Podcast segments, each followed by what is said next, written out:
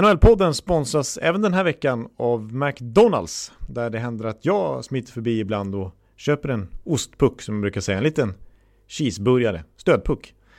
Ni känner säkert till Donken. Det sponsrar faktiskt över 160 idrottsföreningar runt om i Sverige, McDonalds. Och därmed en stöttepelare för barn och ungdomsidrotten runt om i landet. Med det sagt, dags för NHL-podden.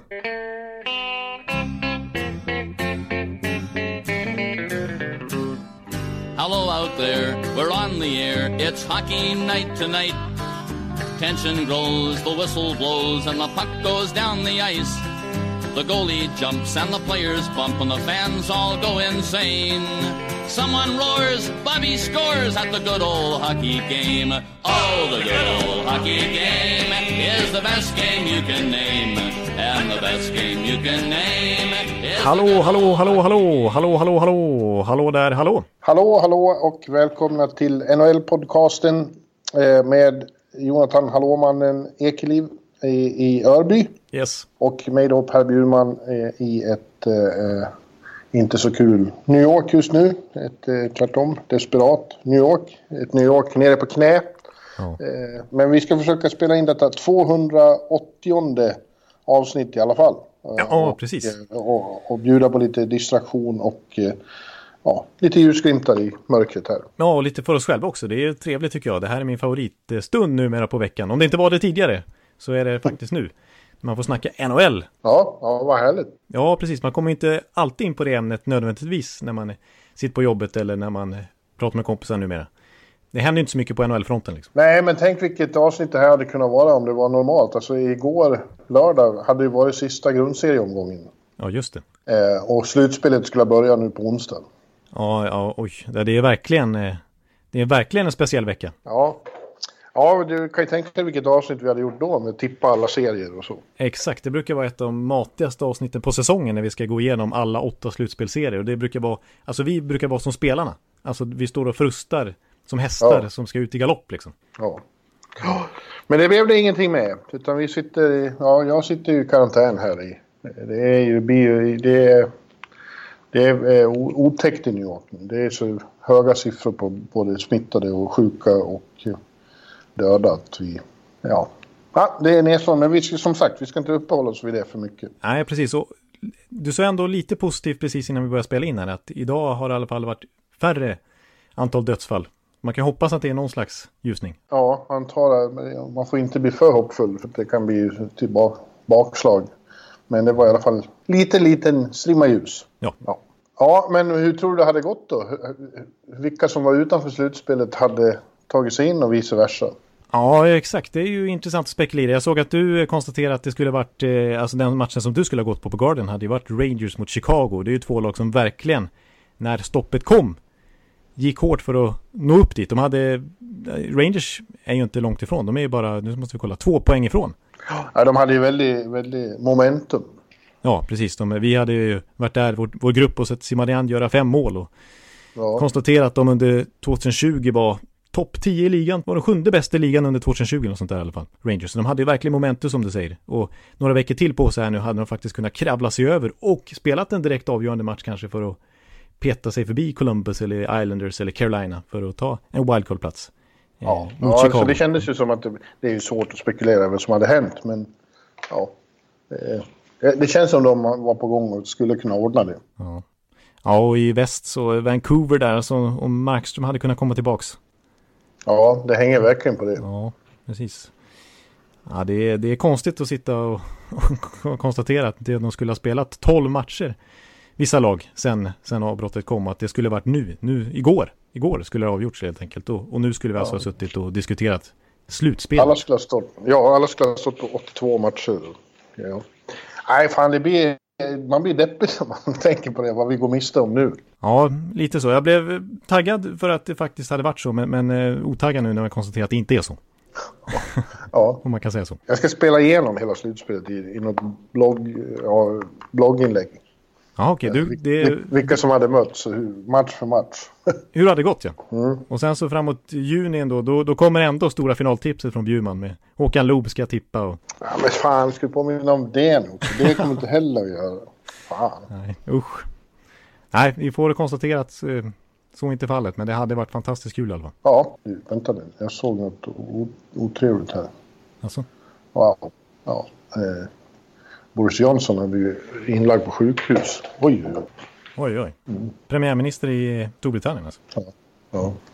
Oj, oj. Ja. Det var illa. Ja, det var ja. illa. Ja. ja, vi får fortsätta tugga på. Vi kan apropå höga pampar i, i, stora länder så Donald Trump hade, får vi nämna här i podden, att han hade ett möte i helgen här. Han hade ett telefonmöte med alla, alla kommissionärer och ledare i, i, i ligan, i alla de stora ligorna, inklusive Batman. Då.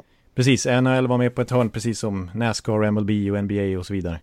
Och eh, efter det mötet så kom ju Trump ut och sa, ja, på typiskt Trump-manér att det här, det här ska minsann, sport behövs och det, det här måste sättas igång snabbt och det här med att när kan ligorna komma igång? Ja men eh, till sommaren, sooner rather than later säger han. Det behövs sport med publik. Ja, ja absolut. Det, det har han ju rätt i. men eh, men eh, han, jag tror att det är önsketänkande det här med att de ska komma igång i sommar. Ja, det låter orealistiskt. Innan det finns, innan det finns vaccin, botemedel eller immunitet eh, spridd. Eh, så vem skulle sätta sig i en trång arena nu och andas på andra liksom? Eller bli andats på? Ja. Nej, precis. Och det är liksom, det är ju krångel nu liksom. Delstaterna kan ju i sin tur sätta upp regler och rekommendationer för hur large gatherings man får ha och så vidare. Och till exempel Toronto som ju är ganska viktigt för NHL och som har ett lag som verkligen aspirerar på att komma långt i slutspelet i, i sommar. I så fall, det är ju Toronto och där har de ju satt upp i Ontario, eller Toronto som stad har ju satt upp att inga large gatherings förrän tidigast i juli. Lika i Calgary. Ja, precis. Så ska de sätta igång eh, liksom ett slutspel då så då, då måste de ju kunna samlas dessförinnan och så ha camper och så vidare. Så att... Ja, nej. Jag, jag, jag, tror att de får vara glada om de kan starta säsongen, nästa säsong i oktober. Ja. Det är, ja. inte, det är långt ifrån säkert det också på, av flera skäl. Dels eh, av det jag just jäm, nämnde. Vem, vem tar den risken? Liksom, att gå mm. på arenor nu? Jag, jag, jag, jag, kan inte se det. Och, och dessutom då ekonomiskt. Det blir ju en ekonomisk katastrof det här också. Eh, världsekonomin hotar att braka ihop helt. Ja. Och, och, här är ju så, och, och då är, tror jag att det är, liksom, det är klubbar som kommer att gå omkull här. Vi kommer att få ett mindre NHL om det här fortsätter. Ja vi, ja, vi ska komma in lite grann på vad vi tror om framtiden och då blickar vi inte bara i nästa säsong utan vi har faktiskt satt upp 2025 som en siffra. Men, men du tror alltså att det, det, kan, det här kommer påverka så mycket så att vissa klubbar inte ens klarar av att ställa upp i ligan när den väl kommer igång? Ja, det är absolut en tänkbar konsekvens om, om men det gäller inte bara sportliga, det är företag över hela världen kommer att gå omkull. Varför skulle, varför skulle de här idrottsligorna klara sig och, och kunna fortsätta som vanligt. Ja, sen är ju NHL inte isolerat från övriga businessvärlden direkt utan de är beroende av sponsorer, publikintäkter, allt möjligt. Det är ju ja. ringa på vatten överallt och det är klart att det påverkar NHL. Eh, även om vissa klubbar kan stå sig bra ändå. Typ Toronto, Montreal och så vidare som har sån enormt kapital liksom. Men det är klart att det här kommer påverka hela NHL. Jag tänker när du nämner vissa klubbar så här, som Florida som redan innan coronakrisen dök upp, annonserat att de måste skära ordentligt i lönebudgeten till nästa år. Och nu ja. med den eh, intäktsbortfall som det här innebär så är det klart att eh, det blir tufft för dem att ställa ja, ett NHL-lag på isen. Vi kommer väl till det med dina framtidsscenarier här, men, men eh, det finns ju fler klubbar som har ganska små marginaler. Ja. Ja, nej precis. Vi kan i alla fall enas om att vi tror inte så mycket på Trumps profetia att eh, det ska spelas eh, hockey och annan sport ska vara igång till sommaren. Med publik. Ja, nej, jag, jag, jag önskar att han har rätt. Jag, det skulle vara helt fantastiskt. Det vore ett mirakel. Men jag, just nu har jag svårt att tro på det. Ja. ja, vi får väl komma in på det här ämnet. Eh, det är kanske lika bra att köra en segway då och hoppa in på det. Ja. ja, det är du som har eh, målat upp framtidsscenarier här som jag tycker är ett ska bli spännande att höra. Ja, precis. Det känns som att ja, vi har lite olika ingångsvärden. För du utgår ifrån att NHL kommer se helt annorlunda ut. Att vissa klubbar inte ens existerar några år framöver. För jag har ju utgått lite från hur det kan se ut 2025 har jag målat upp. Alltså fem år från nu. Eh, ja. och ja, den här coronakrisen ställer ju till det ordentligt på många sätt. Men vi tittar inte bara ekonomiskt utan kanske trender i NHL. Vilka lag som kommer vara bra, vilka lag som... Jag tycker att det låter så svårt, Jonathan, i det här. För vi kommer ju att leva i ett före och efter den här eh, krisen i, i alla avseenden. I, ja. i liksom livet och tillvaron. Ja. Och eh, det som, när vi kommer ut ur det här kommer ingenting att se ut som det gjorde innan, tror jag. Nej. Mycket lite i alla fall. Ja. Ja, så det... det kommer ju att handla förmodligen om mycket mindre pengar och, och, och så för NHL. Mm. Ja, för den ekonomiska biten så jag kan väl bara dra lite grann vad som skulle ha hänt med NHL, förväntats hända med NHL om det inte den här coronakrisen hade uppstått. Eh, då mm. hade NHL räknat med en enorm explosion skulle jag säga, ekonomisk tillväxt. Mycket på grund av eh, det nya tv-avtalet då, inte minst, som ska slutas Ja, det går ut 2022. Eh, så från och med säsongen 2022-23 ska det nya gälla. Fel, fel, fel, fel, fel. Eh, det är faktiskt från och med säsongen 21-22 redan som det nya tv-avtalet träder i kraft. Och med tanke på vad andra ligor de senaste tio åren i, eh, borta i USA har slutit för avtal så borde det innebära en rejäl boost ekonomiskt för NHL, för det här som nu, nuvarande som går ut i USA, NBC har, det slöts ju 2011 och det har hänt ju ganska mycket ekonomiskt sedan dess med NHL och med hela världsekonomin. Ja, nu har det ju kommit något coronakriser som ställer till det, men till exempel för NBA, när de skrev sitt tv-avtal 2016, jag tror det gav ungefär 900 miljoner dollar per säsong till NBA i deras tidigare avtal, när de förhandlade om det. Då fick de 2,6 miljarder dollar per säsong, alltså nästan tre gånger så mycket. Mm. Och, och NHLs nuvarande som går ut då, det ligger på 200 miljoner dollar per säsong. Och det man räknade med innan det här corona uppstod, det var ju kanske uppemot 500 miljoner dollar. Alltså en dubblering, dryg dubblering av värdet bara i tv-intäkter då. Man har ju pratat om att eh, sportsbetting som, som kommer in i ligan ska generera mycket inkomster med tanke på att det legaliseras i, i delstat efter delstat numera. Det är väl snart uppe i majoriteten av USAs delstater som kommer ja. legalisera. Ja. Och det innebär ju nya, väldigt mycket intäkter. Man kan tycka vad som helst om det, men det, det kommer in, innebära mycket intäkter för NHL. Och det var ett historiskt avtal som slöts bara veckan innan coronakrisen här i början av mars. Eh, där ett spelbolag i USA skulle ja, köpt upp rättigheter för att sända lite matcher. Om man har ett konto i deras spelapp och kunna spela samtidigt. Och liksom, det var ju bara början på möjligheterna för NHL att tjäna pengar på det. Eh, och så har vi då Seattle som kliver in och betalar 650 miljoner dollar inträdesavgift 2021 när de kommer in i ligan. Ja, ja du hör. Det var bra allt hade kunnat bli. Ja, så eh, det, NHL, alltså om man tar NBA-exemplet, nu gick ju de, nu var det så enormt tv-avtal de slöt och så, så stort skulle inte NHL kunna få. Men deras lönetak från den säsongen att det började gälla det nya tv-avtalet så ökade NBAs lönetak med 24 miljoner dollar. Men nu skulle wow. NHL så skulle, skulle ha gått upp från 81 till 84 var tanken. Uh, NBAs med 24 miljoner dollar, då skulle NHLs vara över 100 miljoner dollar i lönetak helt plötsligt. Ja. Så, det hade ja. varit något. Precis, så det var ju det man trodde då bara för några veckor sedan. Mm. Ja, men nu är allt väldigt uh, ovisst. Vi får väl hoppas att det inte är, ska vara mina mörkaste profetior ska slå in, utan att det blir bättre än så. Men, uh, men de scenarierna är ju ganska otänkbara nu. Ja. De som du målar upp nu med, med ekonomisk eh, cirkus eller, eller ja, alltså, tivoli. 100 miljoner dollar lönetak 2025. Det känns ju ja. svårt att se framför sig just nu. Även om jag tror att tv-avtalet kanske ändå kan bli bra när väl den här coronakrisen är över och vi återgår till ett någorlunda normalt liv. För att folk kommer ändå vilja se på sport. Jag har läst mycket om det här senaste dagarna och, och bara man kollar som gör att tv-rättigheterna går upp så mycket. Dels liksom alla de här streamingtjänsterna som har gett sig in på marknaden också. Facebook, Amazon, Twitter, mm. Google. Eh, ESPN som har sitt ESPN Plus och så vidare och andra. Ja, streaming, alltså streamingmöjligheterna också. Eh, alltså om man kollar, 2018 såg jag en siffra att 89 av de 100 mest sedda tv-programmen, om man nu kan kalla det tv-program, i USA var sportevenemang.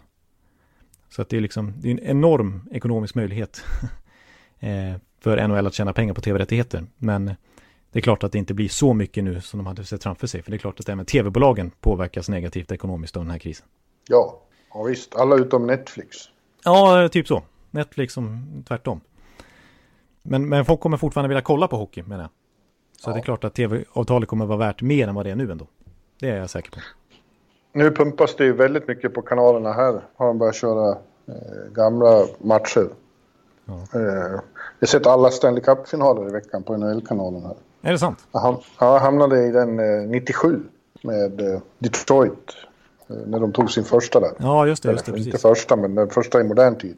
Ja, just det. Just det. Jag var tvungen att smsa Lida, så han, i avgörande matchen så gjorde han 1-0. Jag var tvungen att smsa honom i, i Västerås och säga att det var jävligt snyggt. Ja. bra skott.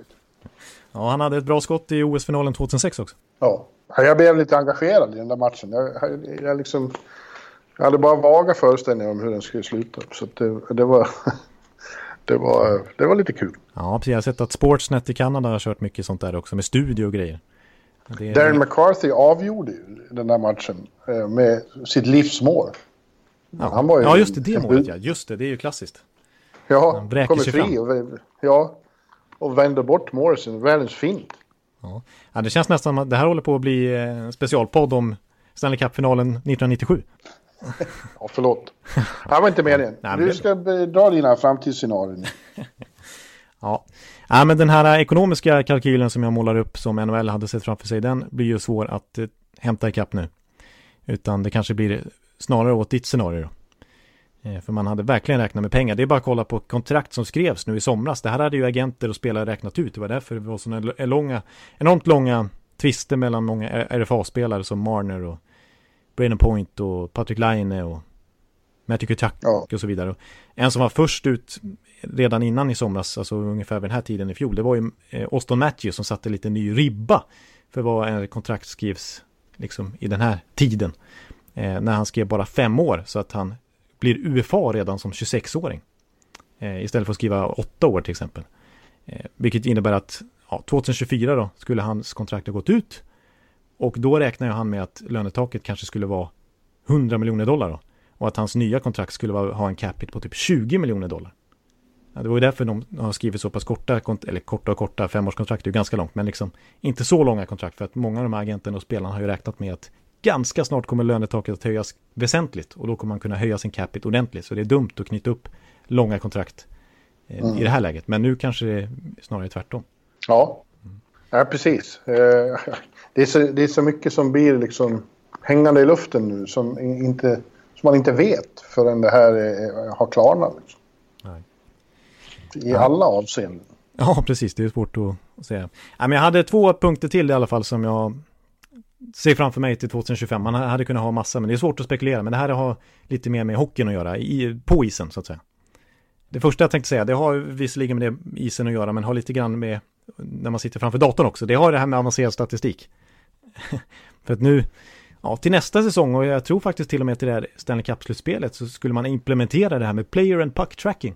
Mycket mer. Ja, precis. Ja. Eh, med den här nya pucken då som har 200 olika mätpunkter. Liksom.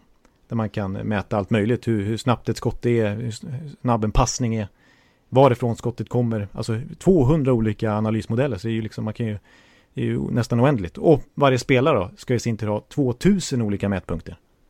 Ja. Eh, man, man ska kunna se liksom om en, om en målakt är skymd vid ett skott, hur hårt det skottet det låter är. Som, eh, det låter som porr för dig. ja, lite så. Nej, men det, det, det är så mycket statistik och data man får fram av det där så att det är ingen som vet eh, riktigt hur man skulle hantera det. Men jag tänker till 2025 och det här är oavsett då hur ekonomin ser ut. För så länge vi spelar hockey 2025, i alla fall NHL, så tror jag att det här systemet har satt sig ordentligt på fem år och att man börjar lära sig hantera hur man ska ta emot den här datan och använda den till sin fördel. Och det tror jag att vi kan se en stor skillnad då om fem år, eh, hur klubbar för det här kan ha sippra ner till juniorligan i Kanada, till europeisk hockey, till SHL och så vidare. Hur man draftar spelare, hur man bedömer spelare. Hur man lägger mm. upp sin taktik. Eh, hur man utvecklar spelare. Alltså det finns ju ändå en enorm enormt mycket som går att vinna på när man vet så här mycket om, om hockeyn som man kunna, kommer kunna göra med den här datan. Tror jag i alla fall. Mm. Så att det, det, det var en grej som jag vill lyfta fram. Ja, låter klokt. Och den sista grejen som jag tänkte säga det är att om man blickar tillbaka fem år i tiden, och nu ska vi blicka fem år framåt i tiden, men blickar vi bak fem år i tiden, eh, så bestod NHL fortfarande av 50% kanadensare, över 50% kanadensare. Och det har ju dippat sedan dess och nu är det faktiskt den här säsongen är det nere på rekordlåga 41% kanadensare.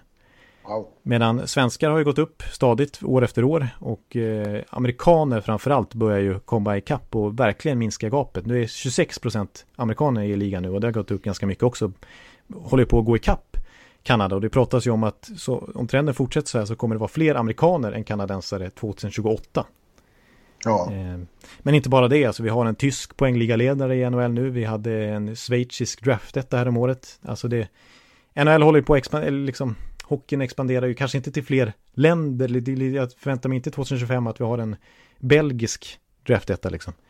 Men Nej, men eh, inte en kinesisk heller. Men Nej. på, på 10-15 års sikt om de kan eh, etablera sig i Kina, vilken grej. Ja, ja, ja visst, precis. Dels det om det kan, ja precis. Men, men också att fler länder kommer komma starkare, alltså ännu fler schweizare i NHL, ännu fler tyskar i NHL, ännu fler, Ja. liksom, ännu fler svenskar kanske till och med. Eh, Det kommer i alla fall inte vara, alltså, det, den grejen att, att NHL är en kanadensisk liga som det har varit i ett århundrade liksom. Det håller på att försvinna och 2025 kommer den trenden vara ännu tydligare. Ja. Eh, jag tror ho- hockeyn i sig kommer att se ut då. Ja, det är... Det är väldigt svårt att spekulera. Ja, det är väldigt svårt att spekulera i, men eh, jag tror att den avancerade statistiken på något sätt kommer att ha påverkat i riktningen i något håll. Eh, jag hoppas att den kan främja en offensiv hockey, alltså hur, hur man ska kunna bygga upp spel, för att det är det som är svårt. Det är mycket lättare för tränare att sätta en modell som det är lättare att förstöra än, än att bygga upp som man brukar säga. Ja, Eh, och jag hoppas att den, att den avancerade statistiken på något sätt kan, kan främja offensivt spel, offensiva modeller som funkar. För offensiv kräver mycket mer fantasi än defensiv. precis. Så ja, jag hoppas att det är ett mer offensivt NHL och eh, trenden nu är ju också att det, det, det, det blir snabbare och snabbare brukar man säga och det borde det fortsätta vara för att kollar man liksom i poängligan år efter år här så blir det, känns det som att det blir yngre och yngre. Jag kollade topp 10 i poängligan den här säsongen är, är eh, snittåldern under 26 år, typ 25,7 eller någonting av topp 10 i poängligan. Ja. Och- Det kommer mer och mer färdiga produkter från, Ja, från precis. juniorligan. Exakt, och det tror jag kommer bli ännu mer så framöver faktiskt, att, att spelarna utbildas tidigare liksom. För man, har mycket, man vet mycket mer nu och det, det, det är mycket mer seriöst på, på ungdomsnivå numera än för 20 år sedan. Ja. Kan jag få, du, kan jag Ja. gå, jag måste gå och hämta ett glas vatten. Om du, Jaha, om du ursäktar. Inte kaffe? Nej, jag har inget kaffe på mig. Men eh, prata på du. Ja. ja. Ja, nej, men sen en annan viktig sak som, som händer under den här femårsperioden, om vi ska, som inte kan bortse ifrån, det är ju att eh, kollektivavtalet går ut 2023. Oj, oj, oj. Ska det bli en ny lockout? Jag menar, för spelarna kommer väl inte vara nöjda nu när, när det försvinner så mycket. Jag menar, ägarna är ju inte nöjda med att det försvinner massa pengar, men inte spelarna heller, för det innebär att de förmodligen måste ge upp ett helt, mycket pengar. Vi har pratat mycket om escrow i senaste avsnitten. Jag är tillbaks. Hallå, hallå. Hallå, hallå, hallå, hallå, Hallå, hallå, hallå. hallå, hallå, hallå. Nej, men jag, jag kom in på det här med att en sak som är elefanten i, i rummet om man pratar en femårsperiod, är att ett nytt kollektivavtal ska förhandlas under den här perioden. Mm. 2023, och det är klart att det påverkas mycket av den här coronakrisen nu också. Allting. Allting, jag menar, men, alltså, vi, vi har ju pratat om escrow i senaste avsnitten, att spelarna förmodligen, det kommer, escrow kommer öka nu, eftersom att ligan kommer dra in så pass liksom, lite pengar, så att 50 procent, de ska dela 50-50 ägarna och spelarna, och då kommer ju spelarna få mycket mer än 50 procent, och de ska få ut så mycket pengar som deras nuvarande kontrakt innebär. Och då träder ju escrow i kraft, och de måste skicka tillbaka mycket pengar spelarna, för att det ska bli 50-50. Och det där kommer ju vara en stor debatt 2023 då det nya kollektivavtalet förhandlas Mm. och spelarna egentligen vill trycka ner escrow men hur ska det gå till när det liksom, ligan inte har så mycket pengar liksom? Eh, och, och, eh, men samtidigt, NHL har inte råd, de kommer absolut inte ha råd med, med, ett, eh, med ett stopp igen om bara två, tre år. När de, Nej, när de haft ett stopp nu. De måste ju förhandla om, det där, är, det där får ju bara inte hända att det blir en till lockout om några år. Nej, men det kommer inte att bli nu. Nej. Nu, nu, kommer de ju att ha gemensamma intresse av att kunna spela alls. Ja. Alltså det finns, det finns mycket här som, som ställer till det då. Men eh, eh, nej, det där, de, kommer, de måste bara lösa ett nytt kollektivavtal helt enkelt under den här femårsperioden. Ja, det tror- kommer de att göra också. Ja, Mm. ja men det, nu kanske det är en lite mer mörkare rapport kommer. Du har redan varit inne lite grann på vad, vad, vissa klubbar, men du kan väl eh, utveckla? Nej, jag tycker att det blir för mörkt. Jaså, du vill inte? Eh, nej, men det det är ju bara spekulationer liksom om att det här... Om att eh, Nej, det får ju väldiga effekter på hela världsekonomin och eh, ekonomin här i, i USA. Och, eh, ja, jag tror att det finns risk att vissa klubbar kan gå under om det här fortsätter dra ut på tiden. Ja. Ja, för... Florida, Carolina, eh, Arizona, vem vet? Mm. Ja, precis. För det här måste man komma ihåg också att det är liksom, det är inte som normalt igen när de sätter igång. När de väl sätter igång så är det liksom inte nödvändigtvis 20 000 på läktarna och eh, samma sponsorpengar. Utan det här kan ju påverka NHL i flera år. Alltså hela världsekonomin ja. kommer påverkas åratal framöver. Ja. Och det i sin tur sipprar in på NHLs ekonomi. Så att ska det här vara bärande för Florida till exempel i flera års sikt med mindre publikintäkter, mindre sponsorintäkter. Nej, det blir, det blir tufft. Ja, men vi slutar vara så deppiga Ja. Eh, det kommer ett mirakel i veckan och allt blir bra igen. ja, men det, det, det är din framtidsutsikt och det, det, är bara på en veckas eh, sikt, så det lät ju bra. Ja, vi har ett botemedel inom en vecka och alla blir friska och bra igen. Ja, okej, okay, men kanon. Och så startar vi igång Stanley Cup-spelet. Ja. ja. Ja, men det är bra. Det lät mycket roligare. Eller hur? Ja.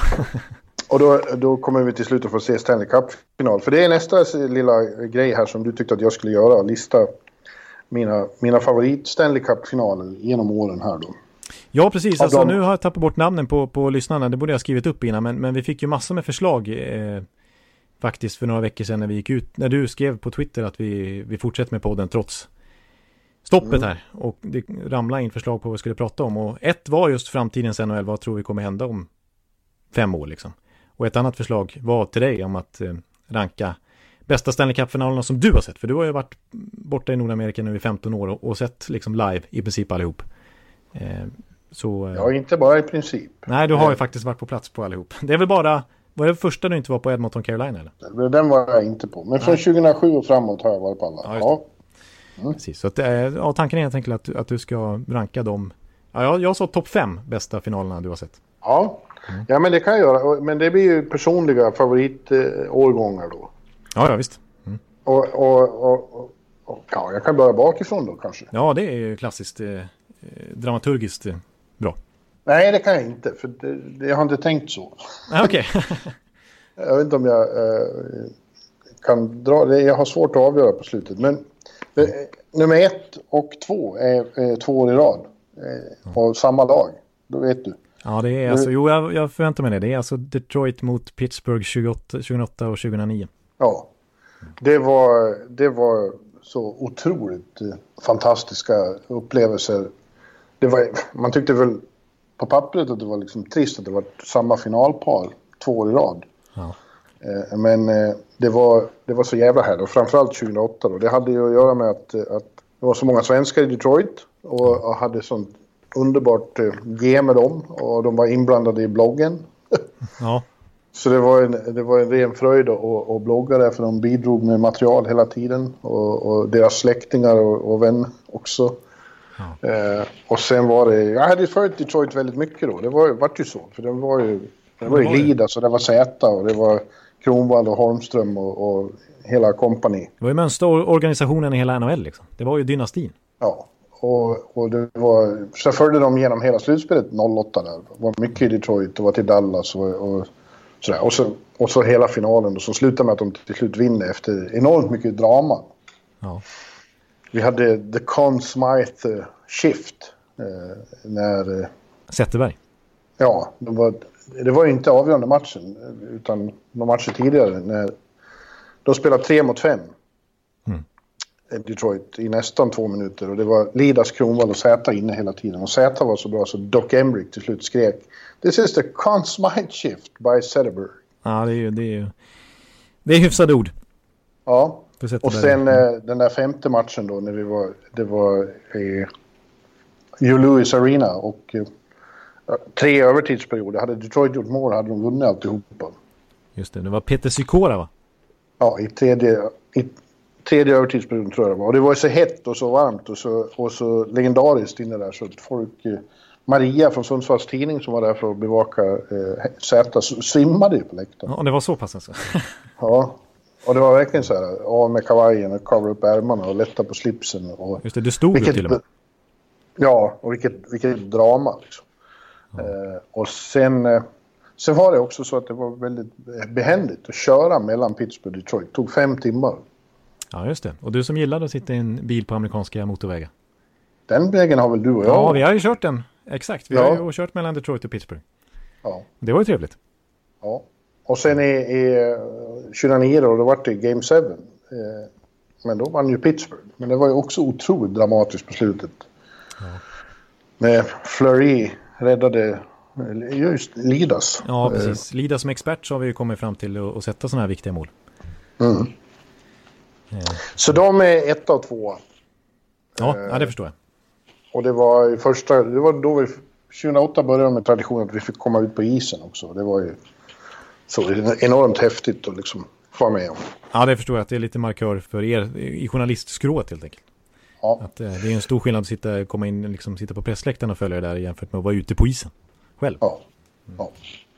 Eh, och sen nummer tre är nog 2018 skulle jag säga. Eh, Washington, Vegas. Okej. Eh, det var väl kanske inte den bästa hockeyn som spelades nödvändigtvis. Eh, men det var ju för att man hade, hade följt, följt Washington genom alla år och varit, sett dem eh, Ja, just det. Lida så fruktansvärt och åka på så fruktansvärda förluster i slutspelet efter fantastiska grundserieframträdanden. Så det var mer eh, känslo, känslostormarna var med om när de först lyckades slå ut Pittsburgh för första gången i andra omgången. Ja. Eh, och sen slog Tampa i, i konferensfinalen. Det tampade matchboll i Washington hade kunnat avgöra, hade 3-2 matcher. Måste jag få Ja. understryka dem, men det sket sig ändå. Skulle du kunna säga. det. Usch, säger jag. Mm. Ja, och sen finalen då. Det, är- och, eh, alltså alla, jag har sagt det många gånger, alla är glada när de vinner Stanley Cup. Men det var något mer hos Washington. Det var liksom som de hade drivit ut sina demoner. Ja. Ja. Eh, Så det var, det var emotionellt starkast att vara med om, den finalen. ja, av finalerna som vi har haft i podden. Så vi startade ju 2013. Ja, Så är det nog den, när du säger det, så är det nog den som, som jag kommer ihåg mest. Att, för du var ju naturligtvis i Vegas och spelade in därifrån och var emotionell, det kommer jag ihåg. ja, ja det var stort. Sen får jag nog säga 2014 då. Eh, Det var ju inte den, absolut inte den bästa hockeyn då. Men det var ju för att eh, Rangers gick till, till final och fick se New York i hockeyfeber. Just det. den här, man hade hört talas om så mycket eh, om 94 och så fick man äntligen uppleva lite av det. Hur, hur, alltså baseball, fotboll och basket är ju större än hockey här till vardags. Mycket större. Ja. Men det finns ett latent eh, intresse för hockey och engagemang i Rangers som blossar upp sådana gånger när de går långt. Liksom. Ja. Eh, och då gick de ju hela vägen. Så det var jävligt fantastiskt att se. Och, och konferensfinalen när de slog ut Montreal här, det, det var nog de största matcher jag sett här på Garden. Ja. Ja, jo, det kommer jag ihåg att det var en otroligt het serie. Ja. Och är- sen blev det ju lite, för, för Rangers del då, antiklimax när kackerlackorna från LA Mm. eh, med sin enorma förmåga att vinna eh, de tajtaste matcherna. Ja, det, precis. De vann ju sju matcher i varenda serie, va? Den 2014. Var det inte så? Ja, Ja. ja precis. Eh, och eh, fast, ja, så det, det var ju sorgligt också för, för, för deras del. Men eh, nej, det, var, det var häftigt att uppleva New York på det sättet. Ja, det förstår jag. Det förstår jag. Life is made up of many gorgeous moments. Cherish them all, big and small, with Blue Nile. Whether it's for yourself or a loved one, Blue Nile's unrivaled selection of expertly crafted fine jewelry and statement pieces help make all your moments sparkle. Blue Nile's experts are on hand to guide you, and their diamond guarantee ensures you get the highest quality at the best price. Celebrate a life well lived in the most radiant way and save up to 30% at BlueNile.com. That's BlueNile.com. Men sen har jag då svårt att ta en femte. Det finns så många att välja på. Jag har se- sett Chicago vinna tre gånger och känner oförskämt att inte ta med dem eftersom man spelar så lysande hockey. Eh, Jag förstår att du inte tar med den 2015 mot Tampa. Det, den undviker. Den var inget bra. ja, det var ju väldigt bra hockey då. Ja, det kan du säga. Mm. Ja. Och sen var det första förstås, Ottawa, Anaheim, det var ju coolt för att det var första Stanley Cup-finalen. Det var ju, ryste man ju. Exakt, och det var ganska framträdande svenskar i den serien. Dels Samuel Paulsson som stängde ner liksom toppkedjan i Ottawa, där ju Daniel Alfredsson var som faktiskt vann, jag tror han vann skytteligan i det slutspelet, i alla fall delade, mm. eller om han vann poängligan till och med, han var otroligt framstående, men, och så var han ju, fick han ju negativa rubriker också, Alfredsson, för att han sköt på Scott Niedermayer. Det ja, det, skit, det påstod han att det var, det var inte avsiktligt. Nej, precis, men det var en stor snackis. ja, det var det. Eh, och sen, ja, den, den tråkigaste var 2012, eh, tyvärr då. Devils Kings, det kan jag i alla fall tala om. Att den var, den var minst sevärd. Just det, och det, det, du var ju nästan, du var väl nästan lite sur under den eh, serien och allihopa för att ni var tvungna att åka kors och tvärs genom kontinenten. När ni ja. visste hur det skulle sluta. Ja, ja när, när LA hade 3-0 och, och, så reducerade Devils så tänkte jag ja, vi får åka tillbaka till New Jersey då och se när de vinner där. Men så lyckades ju eh, Devils vinna den femte matchen så alla skulle tillbaka till LA. Då var det uppror på, nästan på pressläktaren. Blev sura på New York, eller på, på LA liksom. Varför, varför avgör ni inte bara? För allas bästa. Ja. Till och med ja. New Jersey vill nästan det. Ja, Nej, men jag tror att jag tar ändå den konstiga finalen. Det är 2011. Eh, Vancouver, ja, Boston. Som ju gick till sju matcher och var så underlig. Det var jämnt och stenhårt i Vancouver. Fullständiga genomklappningar för Vancouver i Boston. Just det, det var en sån här uh, obegripligt ologisk final. Ja, där, där Luongo tappade alla koncept i, i tidig garden. Men sen i Vancouver så, så, så lyckades de ändå knippa segrarna. Förutom ja, den sista då. Ja, eh, vi satt i Game 6 då tänkte man att det var ju lite lika då. Det var ju det var ju eh, ansträngande att resa mellan tre tidszoner hela tiden. Och på den tiden var det inte två dagar mellan matcherna utan det var ju jävligt hektiskt. Just det. Mm. Eh, så i Game 6 tänkte vi, ja men nu kanske Vancouver avgör. Efter en period satt alla och letade efter flygresor till Vancouver igen. ja, det var redan liksom, det var redan utklassning då. Ja, och sen var det ju minnesvärt, eller vad man ska kalla det. Man glömmer det inte i alla fall. Nej. Eh, vad som hände i Vancouver när Canucks förlorade den matchen. Mm. Game 7. De höll på att bränna ner hela stan.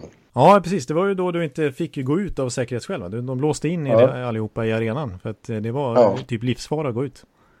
Ja. Ja, det var att ta i. Nej, men det var... Det, luktade tårgas i hela Vancouver. Ja, det gjorde det. Och bränt. Nej, och sen var det ju också för att man fick följa med på bröderna Sedins största resa där då. Ja, just det. Som inte slutade som de hade hoppats, men ja. Ja, men det var ett det speciellt var... slutspel. Ja, där har du mina finaler. Ja, okej. Okay. Ja, precis. Ja, men då, då var det alltså... Anti, ja, då, då känns det som att du kanske håller 2008 högst och sen 2009. Ja. Mm. Och sen... Eh... Ja, så ska vi inte glömma 2019 var ju rätt coolt också med Boston St. Louis. Då var det jävligt bra hockey och jämnt. Ja, exakt. Och, och, och svårt att förutse vad som skulle hända hela tiden. Nej, det känns som en otroligt jämn match. Det blev ju naturligtvis det när när det blir sju matcher. Men det var verkligen, det svängde hit och dit. Alltså. Ja, just det. Sen hade vi Pittsburgh två år i rad 2016, 2017. Och som sagt Chicagos det. Ja, många finaler har det varit. Ja, men Pittsburghs finalserie blev aldrig riktigt spännande. Utan Nej, de... det var mer spännande innan eh, ja. de kom till final. Ja. Eh, Ottawa 2017 där med, när Erik Karlsson hade sin show. Exakt, det kändes ju som det som stod ut från det slutspelet. Eh, precis, och, och Ottawa faktiskt bara var ett mål från att slut. Pittsburgh. Ja. Det blev ju förlängning i Game 7 i konferensfinalen. Så det är en jävla ambulans igen. Ja, det är, det är vardag numera. Ja, vi hör inget annat än ambulans. Usch. Usch. Ja, ja nej, men trea kom i alla fall Washington 2018.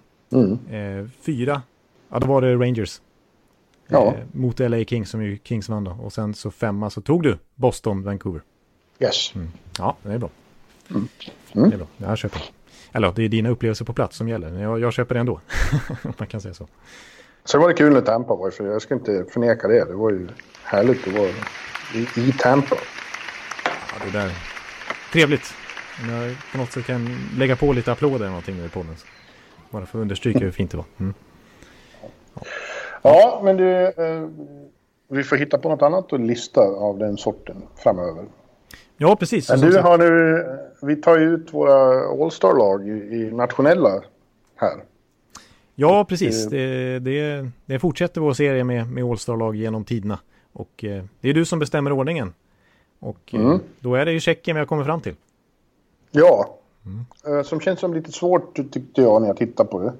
Men du har tagit ut så jag får kommentera. Det var fint. Ja, jag har, jag har tagit ut fyra kedjor, tre backpar, tre keeprar och tyckte ändå att jag trodde det skulle bli lite liksom profilfattigare än vad vi har vant oss nu vid med USA och Ryssland och Finland. Men jag tycker det är ett riktigt starkt tjeckiskt lag där också. Man har fått välja bort några fina namn. Eh, framförallt framåt och även i målet har de ju några hyfsade alternativ. Framförallt ett. Mm. Eh, Men Ja. det, jag det jag skulle säga bara innan vi fortsätter, det var som sagt alltså det här ämnet med Stanley Cup-final i listan som du hade precis och, och det här med framtidens NHL. Det är ju ämnen som vi har fått förslag om så det är kul. Vi, vi tar gärna emot förslag på vad vi kan prata om och, och, och Ja, inspiration. Eh, Men vi, ja, då kör vi kör checken här och vi börjar ju i kassen. yes.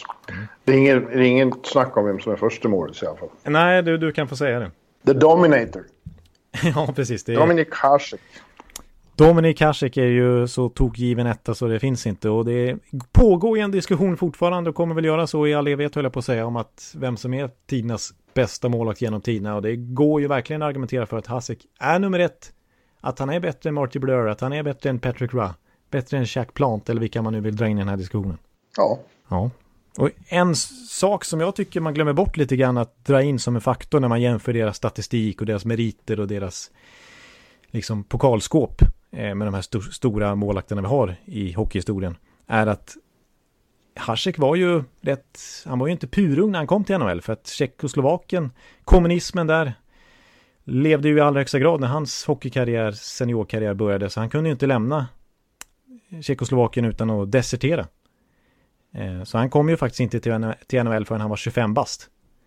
Nej, Och- och han det är ganska otroligt. Ja, och då, då hamnade han ju i Chicago som redan hade Ed Belfour. Eddie the Eagle. Så att eh, det, då fick han liksom inte en naturlig chans där. Och du vet, Hasek har levt i Tjeckoslovakien hela sitt liv. Han kunde inte språket, han kunde inte... Det var en helt ny kultur. Så att det, det tog ett tag för honom att akklimatisera sig till NHL-hockeyn och till Nordamerika i stort. Så att det var ju först som 28-åring när han hade blivit tradad till Buffalo som han blev starter. Så det är först där som 28-åring som hans verkliga NHL-karriär börjar.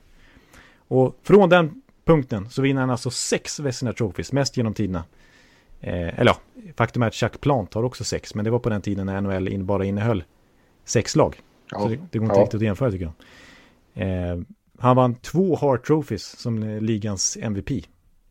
Och han Ja. vann två Stanley Cups med Detroit. Och han tog Buffalo Sabres, ett halvdåligt Buffalo Sabres till final 99 också. Så att, Ja. ja. Han var ju helt overklig emellanåt. ja. Hur bra han var. Hur svårt det var att göra mål på honom. Han var ju verkligen en sån där målvakt som kröp in i motståndarnas huvuden och Ja. förstörde deras nattsömn. Och han, han, hans inflytande var ju enormt. Han är eh, den största inspirationskällan för en hel generation som kom sen. Med, inte minst med Lundqvist då i, i, i Ja.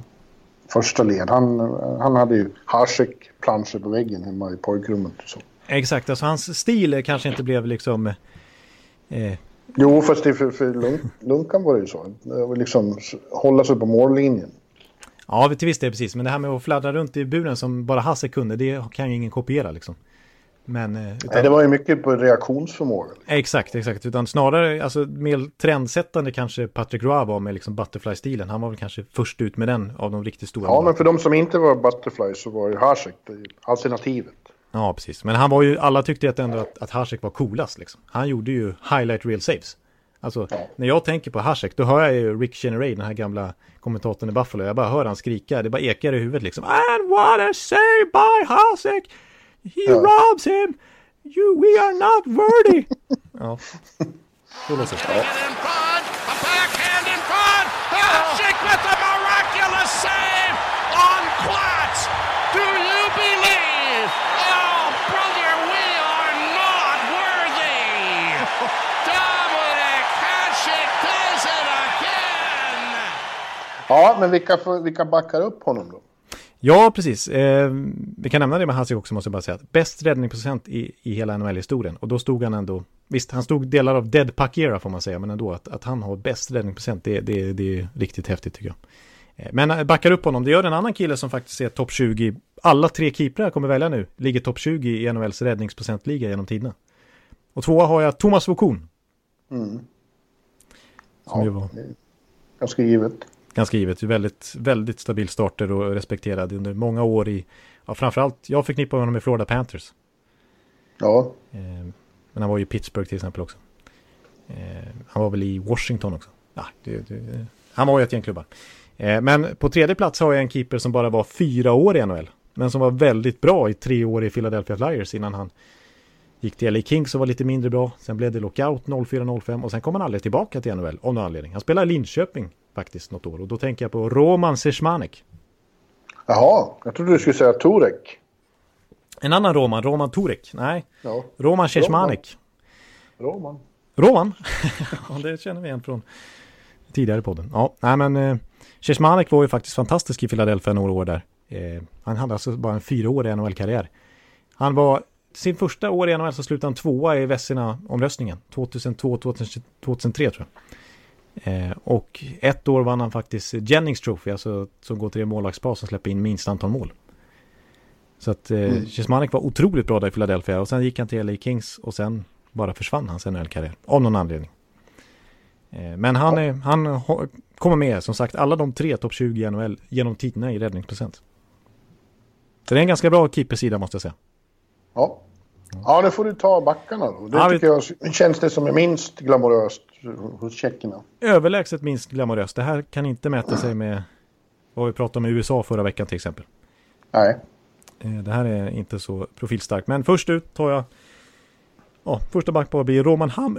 Det, Roman Ha? Nu är Rick Cheneré-rösten är kvar. Ja, det är målbrottet äntligen. Ja, precis. Eh, jag ska inte fortsätta med som Rick Cheneré, det känns inte bra, det är inte bra för rösten. Eh, Roman Hammerlik och Marek Sidlicki, och jag brukar gilla att ha en rightare än en vänster och, en, och jag tänker lite så dynamiskt trots att det är ett All-Star-lag. Ja, Hammerlik och Sidlicki har jag tagit. Vi kan gå in på spelarna sen, jag nämner namnen först. Thomas Ja, du Ka- behöver inte gå in på alla. Nej, precis. Thomas Kabrele och eh, Pavel Kubina i andra backpar. Och sen så Jaroslav Spacek och Peter Svoboda i eh, tredje backpar. Och Hamelik eh, tycker jag ju om att prata om eh, med tanke på att han var första spelaren Tampa draftade genom tiderna. Han gick som etta overall i draften 1992. Ja, Spelade över 1400 NHL-matcher. ja gjorde ju det. Men eh, aldrig... Men han var ju ingen, det var ju ingen liksom, artist. Nej, nej, det var det inte. Det var en stabil tvåvägsback. Ja. Ja. som var pålitlig men blev aldrig kanske, kanske aldrig riktigt levde upp till det där first overall-hypen som man naturligt följer med ett så högt draftval liksom. Det är lika med alla de här tjeckiska backarna. Det är få av dem som... Ja, eh, Kable hade väl kanske lite eh, mer Ja. så här offensiva instinkter. Precis, Sid Licke var ju också en sån, han var ju en liten eh, spelskicklig back i Nashville och Minnesota framförallt. Det var ju Nashville som också en sån där spelare som kom över sent, inte på grund, det här var ju mycket senare än Tjeckoslovakien, men han, kom, han spelade ju faktiskt i finska ligan och gjorde bra ifrån sig där och sen som typ 27-åring så plockade Nashville över honom och så blev han en väldigt bra back i NHL och gjorde så här 40-50 poäng per säsong i några år där i runt 2005 till 2012 kanske. Ja.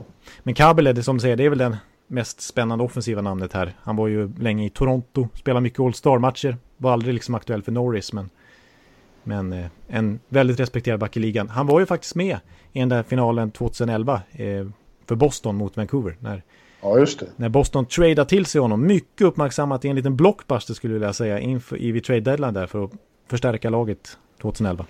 Eh, och kolla tillbaka på den traden så var liksom, eller den serien av trader som Boston gjorde där är ju ganska speciellt för att de ville ha, ha löneutrymme för att kunna ta in Kabele och då skippade man faktiskt Blake Wheeler till Atlanta. Som numera är liksom, och Atlanta blev ju sen Winnipeg. Blake Wheeler är ju liksom Ja. hyfsat viktig lagkapten i Winnipeg nu. Eh, och man eh, tradade dessutom två första val, första runda val, eller ett första runda eller ett val och ett andra runda val tror jag, till Toronto för Kabele plus Joe Colborn som aldrig blev någonting. Och det blev inte de där första valen heller för den sakens skull. Eh, för Joe Colborn hade gått i första rundan några år tidigare. Så det var en, det var en jätteblockbuster när de bytte till sig Kabele och de vann ju Stanley Cup på det också. Så att det var ju värt att göra den traden. Mm. Eh, även om man inte var bäst i laget. Man gjorde ändå ett gäng poäng i, den slut, i det slutspelet. Kabel. Ja, vi behöver inte säga så mycket om, om de andra.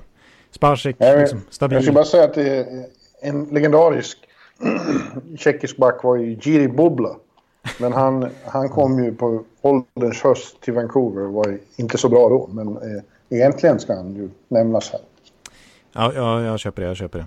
Eh, För på 70-talet då var han en av de var tung i VM-turneringarna man såg. Eh, det var en, en sån man lärde sig som liten knatte under 70-talet, Jiri Bubbla. Det är ett bra namn. ja, det var ju coolt också, han är en bubbla. Liksom. Ja. ja, det är synd att han inte hade en tillräckligt bra NHL-karriär som vi kunde ha inkluderat honom här. För det är ju bara NHL-karriären vi räknar. Jag tog med Peter Ja. Svoboda. Hans största merit är att han, att han är på backsidan som sista back här. Han, han avgjorde ju OS-finalen 98 i Nagano. Den slutade ju bara 1-0 mot Ryssland i finalen. Det var Peter Svoboda som dunkade in det målet. En eh, final där alltså Dominik Hasek höll nollan. Och eh, Ja, återigen så sjuk procent som Hasek hade i den OS-turneringen. Han hade alltså 0,97 insläppta mål per match på sex matcher i OS-turneringen. I OS, bäst om bäst. Han släppte inte ens Ja. in ett mål per match. Det är ju helt sjukt. men nu går vi över till forward. Nu tar vi forwards. Här finns det mer att, att säga tycker jag. Och flera ett namn namn. att välja med. Ja, jag, jag kör en riktig toppkedja här där jag brassar på med det bästa jag tycker jag kan hitta i Tjeckien. Mm. Ehm, och nu har jag två högerforwards i första kedjan, men det skiter jag i. Det är naturligtvis Jaromir Jagr. Ja, Och som center har jag satt, här skulle man kunna ha några olika alternativ, men jag tar Peter Nedved. ja, Och eh, sen som vänsterforward får han hoppa över som, så sätter jag faktiskt redan nu David Pasternak. oj, oj, oj. Ja, det var det är bra. Mm. Det är helt korrekt tycker jag. Det tycker jag, ja. Ja, så säga. Ja, för Ja, Jagr och Pasternak i samma kedja, det låter... det vill man ju se. Ja, Ja, och jag kan ja under- fortsätt. Ja, jag kör laget. Eh, I andra kedjan så har jag en, eh, de här spelar inte, den här centern var inte i samma kedja i New Jersey, men annars är det en renodlad New Jersey-kedja med Patrik Elias, Bobby Hollick och eh, Peter Chikora. Ja, Och eh, tredje kedjan, det blir Martin Straka, Robert Lang och Milan Hejduk. Det är en bra ja. Och sen kan man välja här i fjärde kedjan. Jag ska argumentera för de här namnen sen, men här, kan man, här är flera som väljs bort. Bland annat aktiva spel som skulle kunna vara aktuella här. Men jag tar Václav Prospal, jag tar eh, Robert Reichel och en gammal favorit hos mig som många skulle vilja ha bort ur det här laget tror jag. Martin Havlat. ja. Ja, jag skulle vilja ha in eh, legendaren Vaclav Nedomanski istället. Det var ju det. samma historia där. Han flydde ju och eh, hade inga jättestora år i, i, i NHL, men det, det var en magisk hockeyspel. Ja. Och eh, Jagr själv hade tagit ut Nedomanski, det kan jag lova. Det kan du, ja precis, jo. Ja, precis. Ja, det, det, det finns ju några sådana historier i tjeckiska laget. Eh, alltså Nedved till exempel, Peter Nedved, han som 17-åring så var han i, i Calgary med sitt jun, tjeckiska juniorlag, tjeckoslovakiska juniorlag och spelade en turnering och var grym och blev MVP i den juniorturneringen. Och sen skulle de åka hem till Tjeckien då hela laget, men då var plötsligt Peter Nedved borta. Då hade han flytt och ingen visste vart han var, inte ens hans föräldrar som ringde och var oroliga och i panik vädjade om att han skulle komma hem, att han skulle hittas. Men han hade ju valt då att desertera från Tjeckoslovakien, för det här var 1989 när fortfarande kommunismen levde där. Mm. Och han valde att eh, ja, stanna kvar i Kanada helt enkelt. Och eh, eh, sen när det blev NHL-draft, eh, när han var till gammal för att vara med i draften, då hade ju Tjeckoslovakien, liksom kommunismen där, fallit. Eh, muren hade fallit 1990 när det var dags för, för den draften. Eh, så att eh, då valdes han tvåa bakom Owen Nolan och femma först gick Jaromir Jagr. Så Peter Nedved var faktiskt bästa tjeck i Jaromir, Jagr-draften. Wow. Eh, Ja. och sen ska vi komma ihåg då, mycket på grund av det här sveket som det var i, i Tjeckoslovakien då att han hade flytt på det här viset så, så, så spelade han ju för Kanada till exempel i OS eh, 94 i Lillehammer, Nedved. Innan, innan han eh, började spela för Tjeckien igen, några år senare. Ja, vad ska vi säga om övriga då? Jagger, vad finns det mer att säga om honom? Finns det något att säga om han? Ja, att det var lite synd att han tog de där åren i KHL, för annars hade han ju varit... Eh, hade han haft över 2000 poäng och, och haft ännu bättre stats. Men, eh, ja, nej, vad ska man säga om honom? Är en av de... Jag, när jag tog ut eh, Pittsburghs eh, All-Star-lag där, Mm, på sajten. ja, då hävdade jag att om, om hockeyn fick ett, ett Mount Rushmore så skulle Jagger vara ett av de uthuggna ansiktena ur bergväggen där. Oj, oj, han är Eller- en av de stora i någonsin då alltså. Eller kanske bakdelen borde vara... Ja, det är i och för sig sant, ja precis. Ja, det Det var när hans han hockeyrumpa är ju sitt- hans grej. Ja, när han körde ut den där jätterumpan så ingen kom ju åt honom. Nej, exakt. Det var ju oerhört effektivt. Han, bara, han, behövde, in- han, han var ju snabb, han var ju otroligt skillad, han hade ju allt egentligen, men så hade han också sin hockeyrumpa liksom. Som, gjorde, som var en extra dimensionen på något vis. Som gjorde att han blev Ja. oåtkomlig. Och så han träffat dig. Bara en sån sak ja. Han har skällt ut mig till och med. Nej, Nej, det gjorde han Han, han bara blickade, han, bara, han behövde bara visa en blick så var det klart liksom. Då förstod jag att Ja. nu, nu är det dags att flytta på sig. Du ställde dig i vägen för Ja, det gjorde jag faktiskt. Ganska dålig stil faktiskt. Av en ung svensk reporter i ett omklädningsrum där Jaromir Jagr ska gå från sida till sida. Det tycker jag. Där fick jag lära mig något. Får höra lite mer motiveringar då. Jag vet att du inte bara... Du har mycket att säga om det här.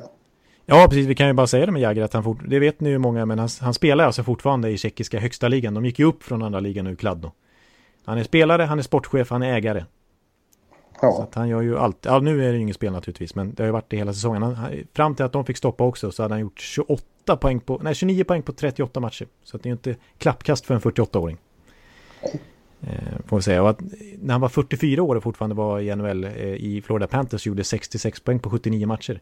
Sett till spel, han klarar inte av att spela sig 20-21 minuter per match som många i toppen av poängligan, till exempel Patrick Kane, som gjorde över 100 poäng den säsongen. Men mest poäng sett till speltid som jag brukar räkna, points per 60, som 44-åring i NHL, det var Jaromir Jagr. ja. Helt sjukt. Men eh, du hade velat ha med lite mer eh, motiveringar. Pasternak Nej, jag vill och vill. Jag vet att du vill. Att du vill. ja, precis. Ja, men Edved var ju... Det finns många centrar som är likvärdiga tycker jag, men Edveds högsta nivå var ju ändå fet. Och han var ju uppe och snuddade över 100 poäng. NHL några gånger och sådär. Eh, Men Pasternak tar jag redan nu i första kedjan för att hans målsnitt är faktiskt på 390 matcher i NHL är bäst i Tjeckien. Det är bättre än Jagers och det är klart bättre än alla andras. Eh, Så att Pasternak är ju en är ju, är ju förmodligen Tjeckiens bästa målskytt genom tiden skulle jag säga. Mm. Redan nu kanske. Han har det. Det, det snittet som 23-åring är ju otroligt bra. Ja, ja, jag, jag tycker det är helt korrekt att ta ut honom. Men vilka av övriga samtida var du hade velat ha med men inte tog med? Ja, men jag tycker att den, alltså våra säck hade varit, varit aktuell, tycker jag. Ja, Jag tycker Krejci hade varit aktuell. Eh, en som la av nyligen men som gjorde över tus, nästan tusen matcher gjorde han ju i Montreal. Eller kom han över tusen till och med? Plekanec. Thomas Plekanec var ju väldigt stabil och kapten i Montreal. Och Han gjorde populär. 1001 matcher. Ja, precis. Han kom över till slut, ja. Mm. Så var det. Ehm, eh, nej, men han var ju väldigt stabil. Han var ju inte... Hans poängskörd räcker ju kanske inte för att komma upp så här högt. Men han var ju en otroligt bra tvåvägs, tvåvägsforward. Och extremt populär hemma i Tjeckien. Han var ju ofta lagkapten när han kom hem och spelade för tjeckiska landslaget. Eh, alltså Martin Rusinski hade kunnat varit aktuell. Ales Hemsky. Hans peak var ganska fet. När han var som bäst. Andrei Palat då? Ja, jag vet. Jag ville ju verkligen knöla in Ondrej Palat också. Det, jag försökte så gott det gick, men det gick inte. Det Nej. gick inte. Eh, men eh, tar man någon som jag väl tog med så jag menar de här eh, New Jersey-killarna var ju fantastiskt bra. Eh, Eli, Elias och Shikora hade ju Jason Arnott som sin center när de vann Just det. cuper där. Var en grym kedja. Fruktansvärt bra kedja, kallades väl The A-Line tror jag. Ja, ja. Eh, de var ju fruktansvärt bra. Eller jag tror de hade gjort ännu mer poäng om det inte hade varit för Devils liksom defensiva spelsystem. Ja, precis. De hämmades ju av det, men det var, de var ju ändå spetsen som gjorde att Devils klarade av att spela så defensivt, att de ändå gjorde mål framåt. Mm. Elias var ju fantastiskt bra. Ehm, och Bobby Holick, han är klassisk, stenhård. Framförallt Ja. defensiv center. Jobbade hårt. Var en stor personlighet. Ja. Ja, precis. Så bockade av några klubbar i sin NHL-karriär, men han var ju framgångsrik.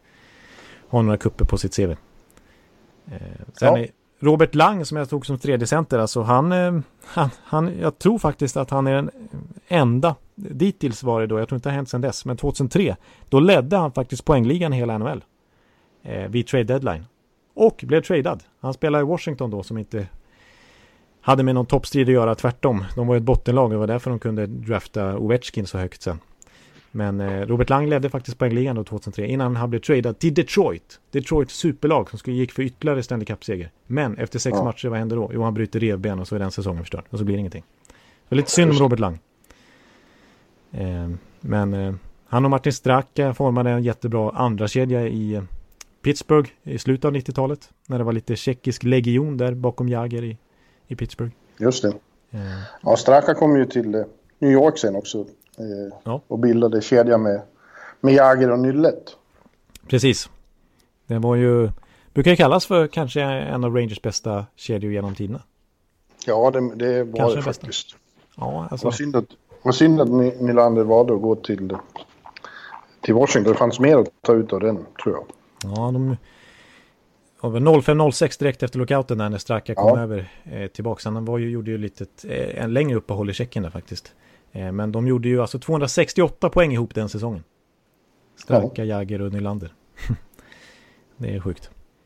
Ja, Ja, och så tog jag med Hejduk där också som ni ju känner till. Foppas gamla lekkamrat.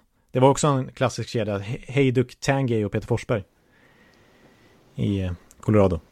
just det. Ja, Sen i, i, i fjärdekedjan är ju min gamla favorit eh, Václav Prospal. Han spelar ju ett gäng klubbar.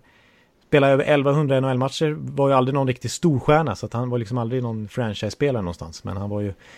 eh, Och apropå kedjor och smeknamn på dem så i Tampa när han spelade då, då var det ju The MVP Line. Kallas den. Vats. Václav Prospal, Vinny Cavalier och Martin Saint-Louis. Vinny säger ju alla att han... Ja, Vinny Prospal. Ja, han säger Vinny Prospal och inte Václav. Som han egentligen heter. Bobby Holik heter inte så heller. Han heter ju Robert Holik. Ja. Sen eh, Reichel där var ju, ja, han var ju liksom stabil under många, många år. Aldrig någon riktigt stor stjärna heller. Sen kommer vi till Havlat då som jag tog. Han som jäckades av skador under hela sin karriär. Alltså han hade alltid ljumskproblem. Han opererade bäckenet, han opererade axlarna, han, eh, han hade hjärnskakningar tror jag. Han blev ju Cronwald en gång i tiden. Så det sjöng, sjöng Ja, om det. Han till och med blev skadad av en domare en gång i tiden. Eh, Han var otursförföljd. Ja, Eh, Men när han väl inte en var begåvad, begåvad spelare. otroligt bra spelare vill jag säga när han var de få gånger. Han, han spelade aldrig en 82 matcher säsong, men de få gånger han var helt skadefri, då såg man vilken potential det fanns där. Hade inte han haft sina skador så tror jag han hade spelat i, kanske inte första kedjan i det här laget, men i alla fall andra kedjan. Jag, tycker, jag var otroligt förtjust i, i Martin Havlat när jag var 16-17 år och, och han var som bäst. Eh, Så att det var synd att den karriären dog ut och aldrig blev så bra som den borde ha blivit. Ja, hör du.